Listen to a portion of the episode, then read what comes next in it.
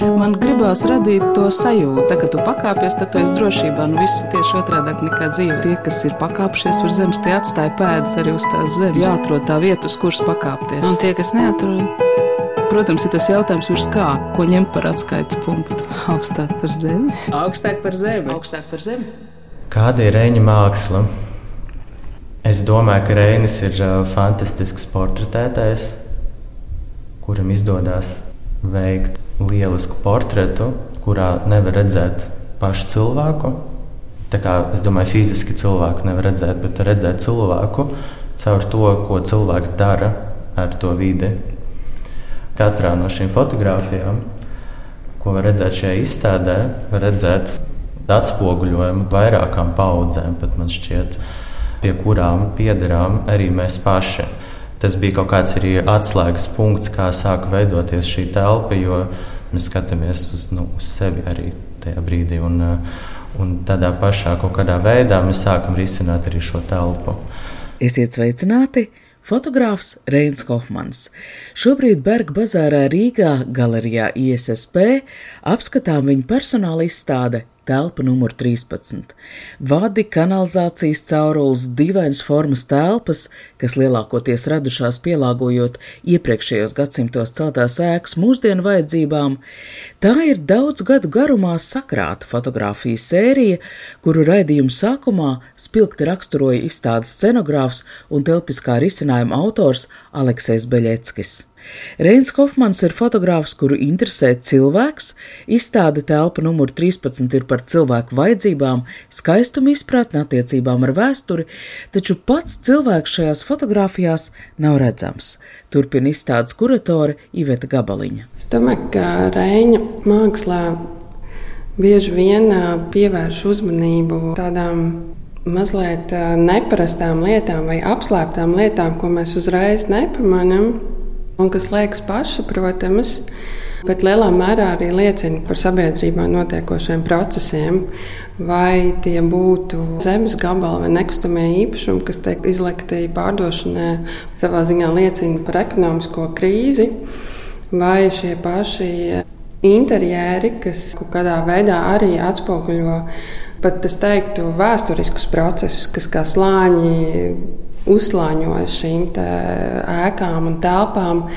Jā, kādā ziņā es to redzu arī kā mūsu sabiedrības spoguli caur dažādām tādām ļoti smalkām lietām. Viņš pievērš tiešām lielu uzmanību detaļām. Man šķiet, ka tā ir viņa kā mākslinieka spēcīgā puse. Bet vienlaikus viņš ir arī fantastisks, brīnišķīgs fotogrāfs. Tīri tas, kā viņš komponē attēlu, kā viņš redz gaismu. Mans vārds ir Anna Bušvica, un es Rēnu Hofmani tieši tā arī iepazinu. Viņš fotografēja manu portretu. Tas bija pasūtījuma darbs, paredzēts konkrētai vajadzībai, taču fotografēšanas procesā gūtā pieredze bija mans ieguvums. Portrets man ļoti patīk, un pie vainas ir tā ļoti īpašā reņģa fotografijā notvertā gaisma, kas sejas vaipstus pārradījusi citādā patiesumā. Reins Hofmans ļauj strādāt gaismai, un tas man šķiet būtiskais arī citu viņu fotografiju raksturojumā. Neiejaukties kā fotogrāfam tiešā veidā, bet būt klātesošam, pamanīt, vienkārši ļaut notikt. Pēc fotografēšanās, dodoties jau ārup no radio, Reins Hofmans man pārsteidz vēlreiz palūdzot brīdi apstāties radio gaitenī un sākot aizrautīgi fotografēt tur augošo palmu. Palma patiešām ir ar stāstu. To pirms jau daudziem gadiem šurp atveda atpazīstama radio balss. Palma bija pāraugusi viņas dzīvokļa izmērs, un radiomājā griezti tomēr ir augstāki un Reini interesē augi publiskā vidē. Viņš saskata stāstus arī vadu skrēceļos, kas ved uz radio tiešraides studijām. Tobrīd es vēl nezinu, ka tā ir viņa tēma, ka pavisam drīz tā parādīsies izstādē telpa numur 13. Bet, nu, pāris stundas pirms izstādes atklāšanas esam ISSP galerijā Berga bazārā un es lūdzu Rēnu Hofmanu pašu pastāstīt par šo izstādi. Man liekas, nu, tā telpas pieredze ir kaut kādā ziņā universāla mums visiem. Mēs katrs kaut kādā veidā sastopamies ikdienā ar telpu, reizēm varbūt neizdomājoties tieši par to, kā tā telpa mūs ietekmē. Un, un reizē nu, tālāk, savukārt, ko mēs darām iekšā telpā un kādas tās pēdas mēs atstājam. Un man tas specifiski interesē tādas telpas, no kurās varbūt var just to, kā šī nu, funkcionālā domāšana un estētiskā kādā veidā saskaras, kur ir bijuši šie mēģinājumi padarīt telpu praktiskāku, kur parādās nu, kaut kāda mūsdienu materiāla, tāda kā trubas, elektroinstalācijas, siltinājums, tas pats reģips, kas visu nosedz. Un šie elementi reizēm tiek ielikti tādās telpās, kuras ir vēsturiskas un kuras nekad iepriekš nav piedzīvojušas šādas pārveidojumus. Un, un tieši nu, šī daudzslāņainība telpas ir tas, kas man arī piesaista. Man arī reizēm patīk tieši tie momenti, kur varbūt tas ir jūtams. Nu, piemēram, šī bilde, kurā it kā bez telpas varbūt nav, nav nosakāms, cik tā ēka ir, ir, ir sena, varbūt vienīgais pēc tām plaisām. Un tad tai telpai ir caurdevusi šīs, visas šīs trubas un visas šīs komunikācijas. Kas ir interesanti, nu, kad šajās komunikācijās ir kaut kāda sava veida dīvaina iekšējā loģika. Šī ir viena no vecākajām mēkām. Vecīgā. Pēc intervijas Reins Hofmans apspriežas ar kuratoru Ivetu Gabaliņu, vai viņam vajadzētu atklāt, kur tapušas izstādes fotogrāfijas. Iepriekš aprakstītajā fotografijā redzams bija varens koks. To veido vecmodīgi dzelzs trubu sazarojumi, un viena no vecākajām ēkām vecrīgā ir arsenāls, kur vienā spārnā savulaik bija iemājojis Gēts institūts Latvijā. Trubas ir varenas, instalācija atgādina sakuplojušu ozolu, ekosistēma ap to veido izlietne, nērts formas ūdens boilers un minimalistisks flīžu kvadrāts. Tas, kas man vēl liekas interesanti, ka šo komunikāciju, šo elementu ienešana šajā telpā reizēm to nu, izpilda strādnieku meistari, bet tas veids, kā tas tiek izpildīts, un ir drusku atkāpjas atpakaļ, to paskatās, reizēm tas ir ļoti dizainīgi.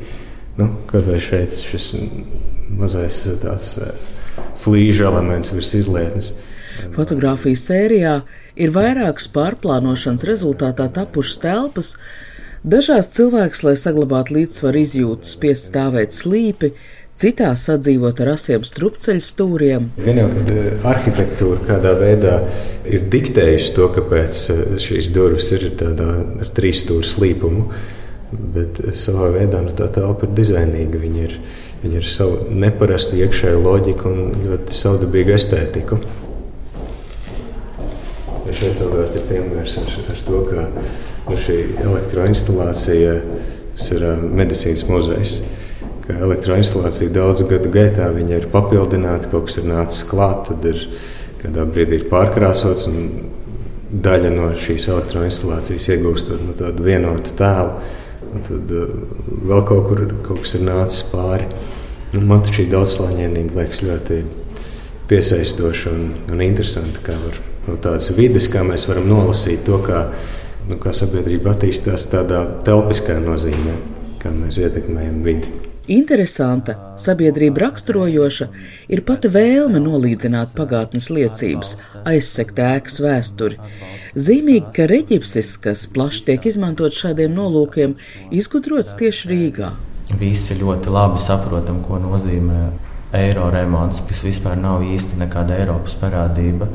Tā, tā ir mūsu kaut kāda iekšējā lieta, kur pie mums izveidojās. Un, tās reģipšu sienas, kas kaut ko aizklāja, to vēlmi vispār aizklāt vadus vai caurules vai kaut kādus tos komunikācijas vadus. Un, Aleksis Beļeckis, radot izstādes telpu numur 13 telpisko risinājumu, kļuvis par Reņa Hofmaņa fotografiju ideālo skatītāju. Piemēram, tas uh, izgrieztais reģips ārā, kas atsedz uh, vadus.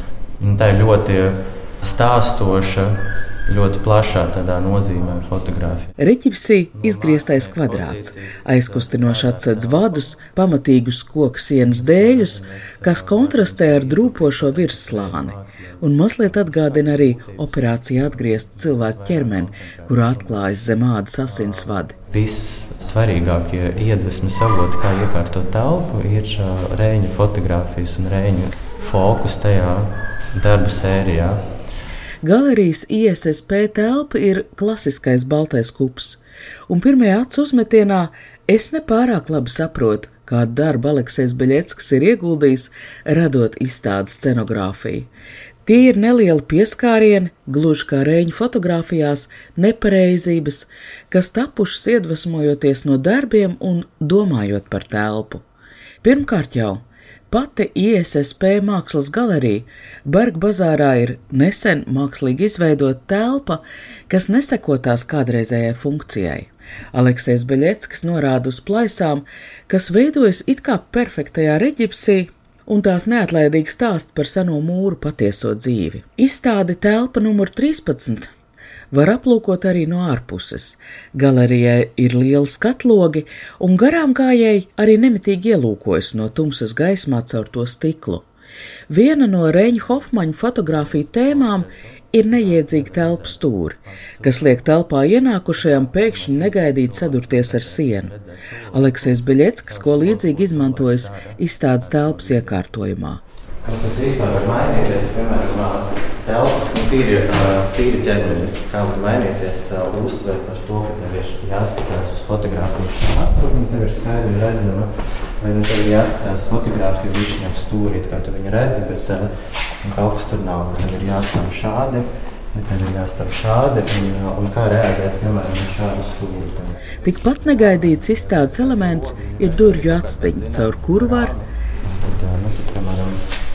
Var ieskatīties, kas notiek tur tajā aiz tās sienas un saprast, un vispār iedomāties, kas ir nu, telpa numur 13. Tad jūs varat arī aiziet, piemēram, Vai jūs gribat aiziet ārā, paskatīties šo izstādi no ārpuses? Nu, jā, jā.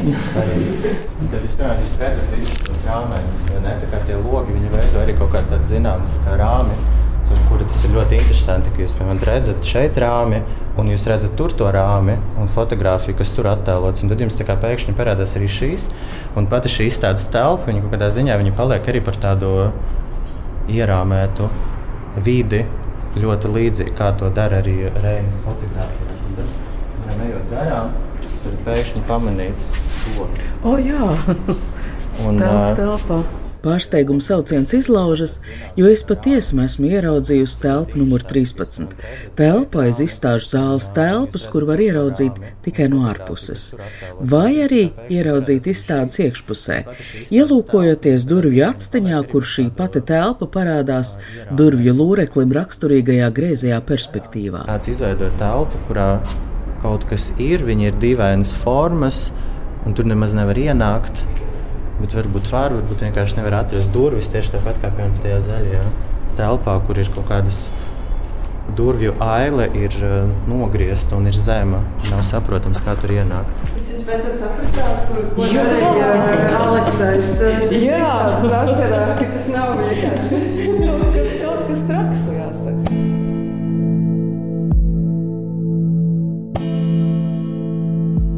Mūsu sarunas turpinājums ar Reinu Hofmanu notiek jau radio studijā. Reina, kā kļūst par fotogrāfu? Es par savu tikai variantu varu stāstīt. Man es, tas arī interesē. Jā. Es īstenībā nezinu, nezinu, cik gadus atpakaļ tas varētu būt. Es zinu, ka es studēju mākslas skolā, un um, pasniedzējs Gunārs Grunfelds man ar draugu abiem uzdāvināja tādu filmu kameru. Un tad mēs kaut kā ar viņu sākām tā darboties. Vārds studējis man samulsina, liek izteikt nepareizus minējumus. Reins Hofmans studējis ir fotografija lietušķo zinātņu un mākslas universitātē Hanoverē, Vācijā un iegūs maģistra grādu Latvijas Mākslas akadēmijas vizuālās komunikācijas nodaļā. Mākslas skolā tas ir tajā, kas Hanoverē vai tajā, kas Mākslas Nā, tas, akadēmija? Tas, tas, tas ir stipri, stipri pirms tam es dzīvoju Bauskā, vecāki vadīja Bauskas mākslas skolu.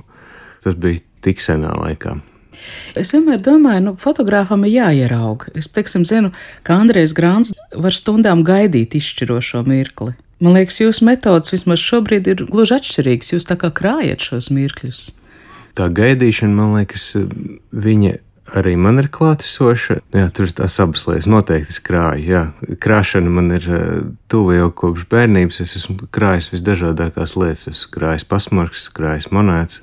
Jā, šobrīd es turpinu krāt kaut kādus savus fotografiju arhīvus veidot. Kas ir tik valdzinošs kolekcionēšanā? Jums patīk sistēma, jums patīk izzināt par šo tēmu visu? Man ir tā sajūta, ka ir kaut kāds attēlu kopums, ka viņš par šo tēmu var pastāstīt nedaudz vairāk nekā ja tas ir viens attēls. Tajā brīdī, kad es viņu savirknēju kaut kādā sērijā, man tāds sērijas formāts ir ļoti tuvs, nu, kad es izmantoju kaut kādu zināmu tipoloģiju un es viņus līdzīgā kompozīcijā, līdzīgā kadrējumā saliekšos, sistematizēt, tad man liekas, ka es nu, labāk šo tēmu iepazīstu un labāk viņu izpētu. Es lasu arī, ka jūsu rīcībā ir nonākusi atmodas gada fotografija kolekcija. Jā, tas ir tāds interesants stāsts, kur man uzaicināja no samplinga arhitekti dokumentēt um, rēru rūpnīcu.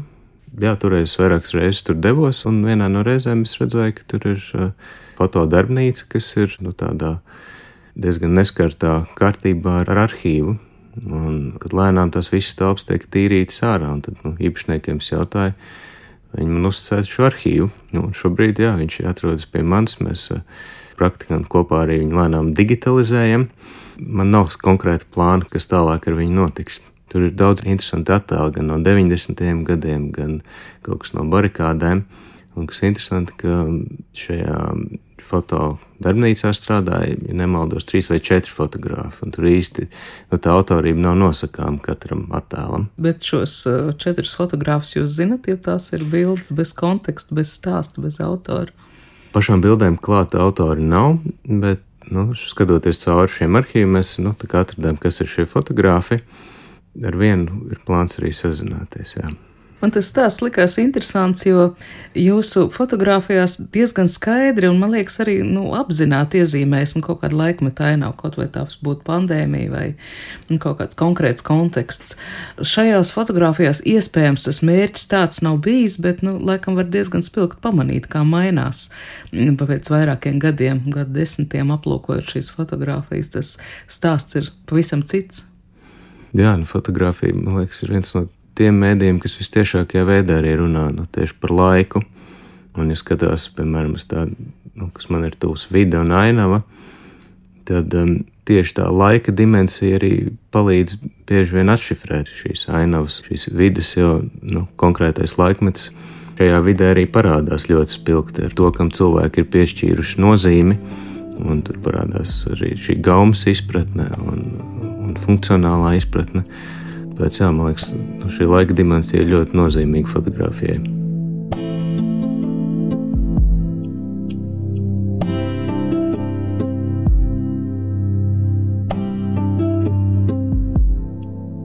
Nu pat iznākušajā fotokvartāla gada grāmatā Latvijas fotografija 2021 ir Rēņa Hofmaņa fotografijas, kas dokumentē pandēmijas laiku.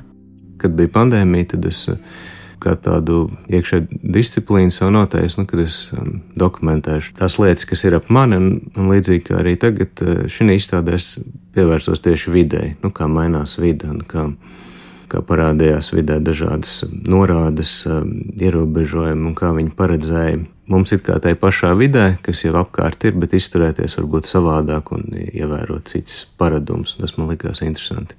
Nu, atkal tā ir ainava bez cilvēkiem. Reizēm bija maz daži cilvēki, bet, bet jā, man patīk vide arī bez cilvēkiem. Jā. Atgādinu Aleksēju Biļetska izteikumu, kas personīgi man kalpoja kā atslēdziņa izstādes telpa numur 13 izprašanai. Proti, Reins Hofmans ir izcils portretētājs tikai cilvēku. Viņa fotografijās, nu vismaz minētajās fotografijas sērijās, nav. Tā es neteiktu, jo man ir darbi, kuros man galvenais tēls ir tieši cilvēks, kur man ir sērijas, kuras nu, dokumentēju, piemēram, brīvdabas lomu spēlētājus vai tādu fenomenu kā cosplay. Vai tad man ir sērija, kurā es dokumentēju eh, Mākslas akadēmijas un citu Mākslas akadēmiju modeļus, kas savukārt vairāk ir tieši par cilvēku un profesiju. Man gribētos teikt, ka jūs meklējat zīmes.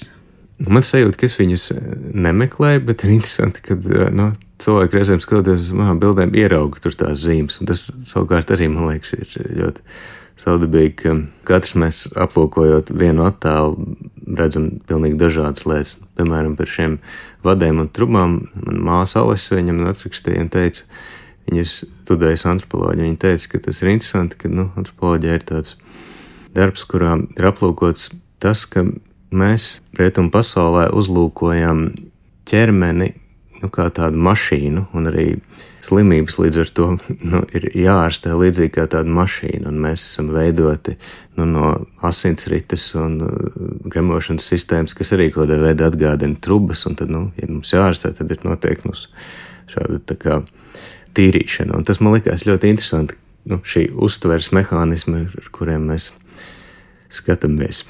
Reins Hofmans šobrīd atsaucās uz Cecils Helmans darbu - Kultūra, veselība un slimība.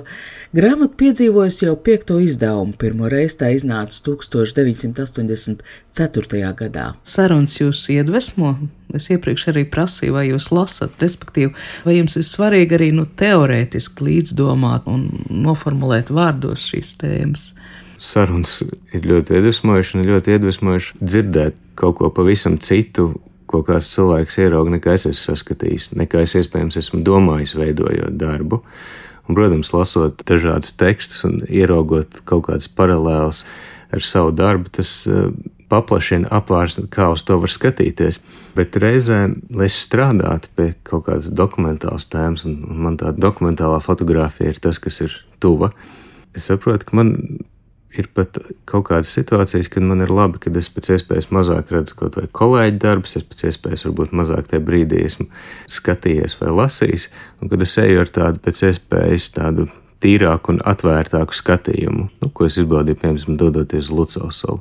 Ja es dodos uz šo vidi, tad man ir pēc iespējas mazāk ekspektācija, un es vienkārši dodos un piedzīvoju. Reins pats sauc sev par notikumu dokumentētāju, bet man liekas, ka viņš ir arī pētnieks, varbūt pat filozofs, un tāpēc es tirdu savu sarunbiedru ar jautājumu, kur rodas fotografija, vai tā rodas skatienā, izcilā fotografijas meistara Anrija Karķē Bresona piesauktajā izšķirošajā mirklī, vai vispirms tā rodas tomēr prātā. Reņa Hofmaņa fotografijas top sērijās, kuru pamatā ir kāda kārtīgi pārdomāta tēma. 20. gadsimta filozofija rakstītie teksti ļoti daudz ir par un ap vizuālo, jo, protams, vizuālais arī, nu, teiksim, 20. gadsimta cilvēku pasaules uzturē ļoti dominē. Es drīzāk to esmu vairāk eh, piedzīvojis teātrī. Proti, ka ir tādas domas, tādas idejas, kuras vārdos ir grūti aprakstīt, kuras tas ģeniālais moments notiek tajā brīdī, kad tu ieraugi. Un tu saproti, tas ir tas, un pēc tam ir ilgi jādomā, kā to pārvērst vārdos, lai varētu kaut kādā veidā nodot tālāk. Man arī bijusi līdzīga pieredze. Man liekas, tas ir um, tāds interesants uh, fenomens, ka mēs esam pieraduši tomēr lielāko daļu lietas verbalizēt, un, un tas man arī šobrīd ir jādara. Fotogrāfija savukārt jā, ir cita veida valoda, ja to, protams, var pielīdzināt valodai. Un nevienmēr to ir viegli pēc tam verbalizēt. Un līdzīgi, man liekas, arī nu, tā realitāte mums reizē jau nenāk tādā lineārā veidā kā valoda, bet viņa nāk dažādos slāņos. Mēs viņu piedzīvojam arī tādā veidā. Attēlam ir daudz slāņu, un, viens no tiem slāņiem ir arī tas, ka vismaz fotografisks attēls viņš kaut kādā ziņā it kā tiecas būt patiesis. Lai gan nu, mēs zinām, ka viņš var melot un viņš var nebūt patiess, bet skatoties šo attēlu, ir tā sajūta, ka varbūt tas ir nu, gabaliņš realitātes. Un šī tā kā tāda blakne skatoties uz attēlu, jā, reizēm man liekas, ka viņi interesanti strādā.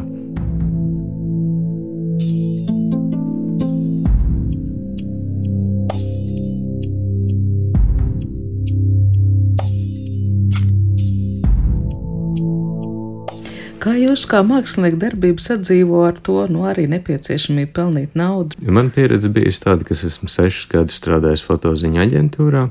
Tikpat ilgi, ja neilgāk es strādāju nu, kā freelance fotogrāfs.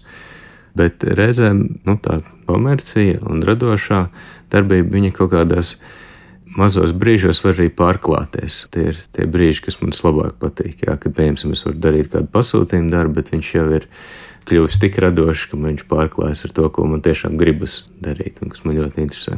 Šķiet arī šī izstāde, kas nesen nu, pat bija skatām Torņielā, tapus sadarbībā ar Hospice LV, nu, droši vien arī bija pasūtījums, bet vienlaikus tā ir nu, arī iespēja kaut kādu sociāli spēcīgu vēstījumu paust. Jā, šis pilnīgi noteikti būtu tieši tāds piemērs, kur nu, es tiek pieaicināts veidot uh, fotosēriju, ja darbu par šo tēmu Un reizēm man tiek dota pilnīgi arī brīvība no pasūtītāja puses.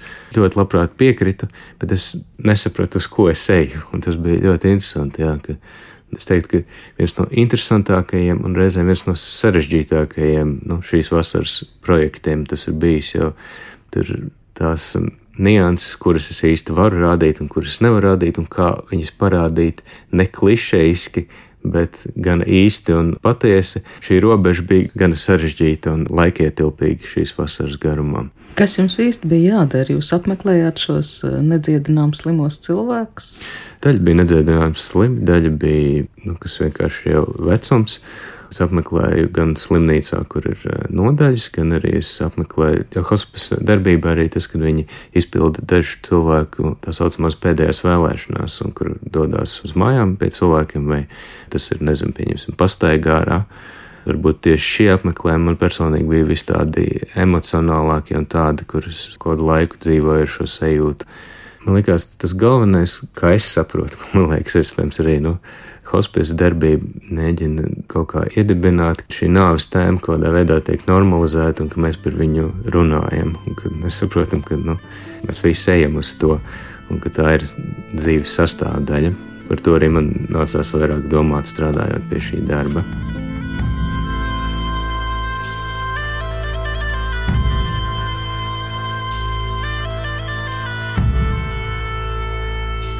Reins Hofmans kā fotogrāfs guvis arī starptautisku atzinību.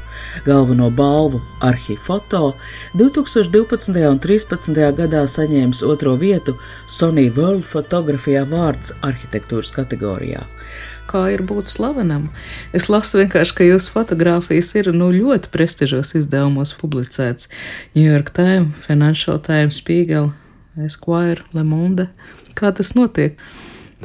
Man liekas, ka es slavens pilnīgi noteikti neesmu, bet šajā jomā, kur ārzemju pasūtījumi, parasti tas ir tā, ka ārzemju mēdīji skatās kādu autoru, kas jau ir bijis, pieņemsim, nu, nezinu. Financial Times, un tad viņi skatās, tātad viņš ir bildējis, un tādā veidā tas reizēm arī turpinās uz priekšu. Un, protams, ka tie pasūtījumi man ļoti iepriecina, kas ir ārzemē, ja viņi reizēm ir nu, tādi, ka es varu pie vienas tēmas strādāt varbūt vairākas dienas, vai arī tas kāds eh, garāks brauciens. Protams, viņi arī labi izskatās CV. Un tās tēmas ļoti bieži ir reportāža, dokumentālā fotografija. Vairāk tās ir kādas aktuālas tēmas, nu, kas Latvijā tajā brīdī notiek. Un, jāsaka, nu, nav tā, ka tik ļoti bieži ārzemju mēdījiem būtu kaut kas interesants Latvijā. Tie ir konkrēti brīži, varbūt 2009. gada krīze tā ir bijusi, kad bija tāda pastiprināta interese tieši par Latviju. Spīgam bija nu pat um, pasūtījums, um, kur mēs kopā ar žurnālistu devāmies uz cēsīm tieši saistībā ar um, šī brīža visu situāciju pasaulē. Mēs um, dokumentējām zemesargus, kā viņi gatavojās. Devāmies mežā kādu brīdi līdz viņiem, gan arī turpat uz vietas bāzē, kā viņi tīri ieroči un gatavojās. Ļoti interesants tāds pasūtījums bija no Bloomberg. Žurnālists Sekam jau bija iepriekš bijis un um, uzrakstījis stāstu par Latvijā tādu grupu, viņi sauc leģendu, kur viņi dodas meklē otrā pasaules kara abadījumus, un viņi pārabadīja gan vācu, gan krievu kareivis. Jo bieži vien tie abadījumi ir anonīmi, viņus var atrast tikai pēc cilvēku nostāstiem. Jā, mēs devāmies trīs dienas kopā ar viņiem pa mežiem un tur dubļiem ar rokoties, un tas bija ļoti tāds, nu, interesants piedzīvojums. Un bija arī šķiet nu, labs rezultāts, gan bija interesants raksts, gan, gan šī fotosērija, kas tapa par šo tēmu.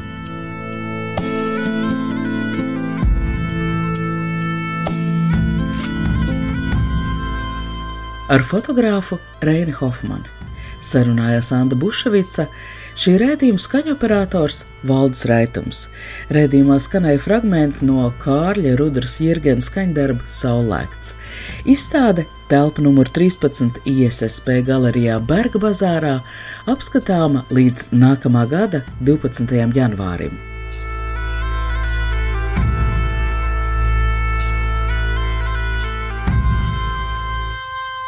Tā kā tu pakāpies, tad tu esi drošībā. Nu, viss ir tieši otrādi nekā dzīve. Tas ir tā spēle, jā? Tie, kas ir pakāpšies virs zemes, tie atstāja pēdas arī uz tās zemes. Protams, ir tas jautājums, ko ņemt par atskaites punktu. Nē, nu, principā ir skaidrs, augstāk par zemi. Jāatrod tā vieta, uz kuras pakāpties. Augstāk par zemi. Augstāk par zemi. Augstāk par zemi.